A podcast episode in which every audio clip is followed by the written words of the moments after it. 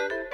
RMF Classic Artur Andrus i jego gość. Marcin Partyka jest dzisiaj naszym gościem w Niedomówieniach w RMF Classic. Troszkę już staraliśmy się wyjaśnić, dlaczego akompaniator to jest taka funkcja, która może, tak mi się wydaje, jest wymieniana na końcu tego całego zestawu różnych zajęć pianisty, muzyka, kompozytora, no i gdzieś ten akompaniator na końcu się pojawia. Ty wspomniałeś o tym, że nie potrafiłeś grać muzyki Fryderyka Chopina. Zmierzyłeś się z tym kiedyś?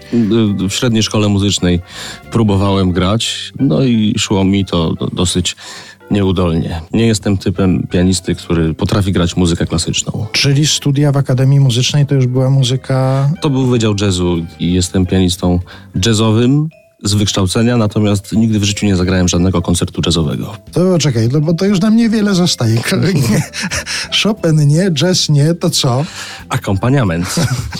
No dobrze, No i, no i pisanie przede wszystkim piosenek. no dobrze, a Gershwin? Gershwin, czyli coś pomiędzy klasyką a jazzem. No, to jest coś, co jest w kręgu twoich zainteresowań? Grałem Gershwina też y, dwa preludia z tego co pamiętam y, w szkole muzycznej. Lubię posłuchać muzyki George'a Gershwina, zresztą zrobiłem spektakl George i Ira Gershwin dwukrotnie w Teatrze Żydowskim w Warszawie i w Teatrze Lubuskim w Zielonej Górze. Reżyserował Jan Szurmy i tam aranżowałem Gershwina na taki bardziej współczesny sznyt. Spektakle nadal są grane, zapraszamy serdecznie. Jak to brzmi, aranżowałem Gershwina. Przearanżowywałem, byłoby właściwie, bo to są oczywiście niedoścignione wzorce. Tutaj padło to hasło i chciałbym, żebyśmy się w tej rozmowie teraz trochę przy tym zatrzymali, że robiłem muzykę do spektaklu. Ty prowadzisz jakieś statystyki, dla ilu teatrów, do ilu spektakli pisałeś muzykę, albo przynajmniej tak orientacyjnie możesz powiedzieć? Spektakli zrobiłem około 60 w całej Polsce, Polsce. Z czego do około 40 faktycznie napisałem muzykę autorską, a powiedzmy 20 czy 25 to było kierownictwo muzyczne, czyli aranżacja, opieka nad zespołem aktorskim, przygotowanie wokalne i tak dalej, i tak dalej. Właściwie krążę cały czas między teatrami. To porozmawiajmy teraz o tym środowisku ci najbliższym, czyli teatralnym. Tam trafiłeś, już rozumiem, też w taki naturalny sposób. Ktoś cię zobaczył, ktoś usłyszał i zaproponował, żebyś coś zrobił do teatru. Tak, właściwie w teatrze debiutowałem równocześnie dzięki paru osobom.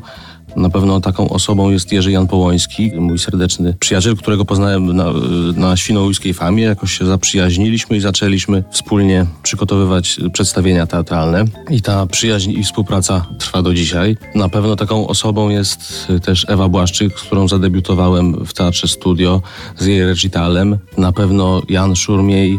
Później pojawiali się inni reżyserzy, na przykład Łukasz Czuj, z którym teraz bardzo dużo, właściwie od paru lat pracujemy i zaprasza mnie do swoich spektakli, więc tak jak wspomniałem na początku, to jest długa ścieżka, która ma wiele odnóg.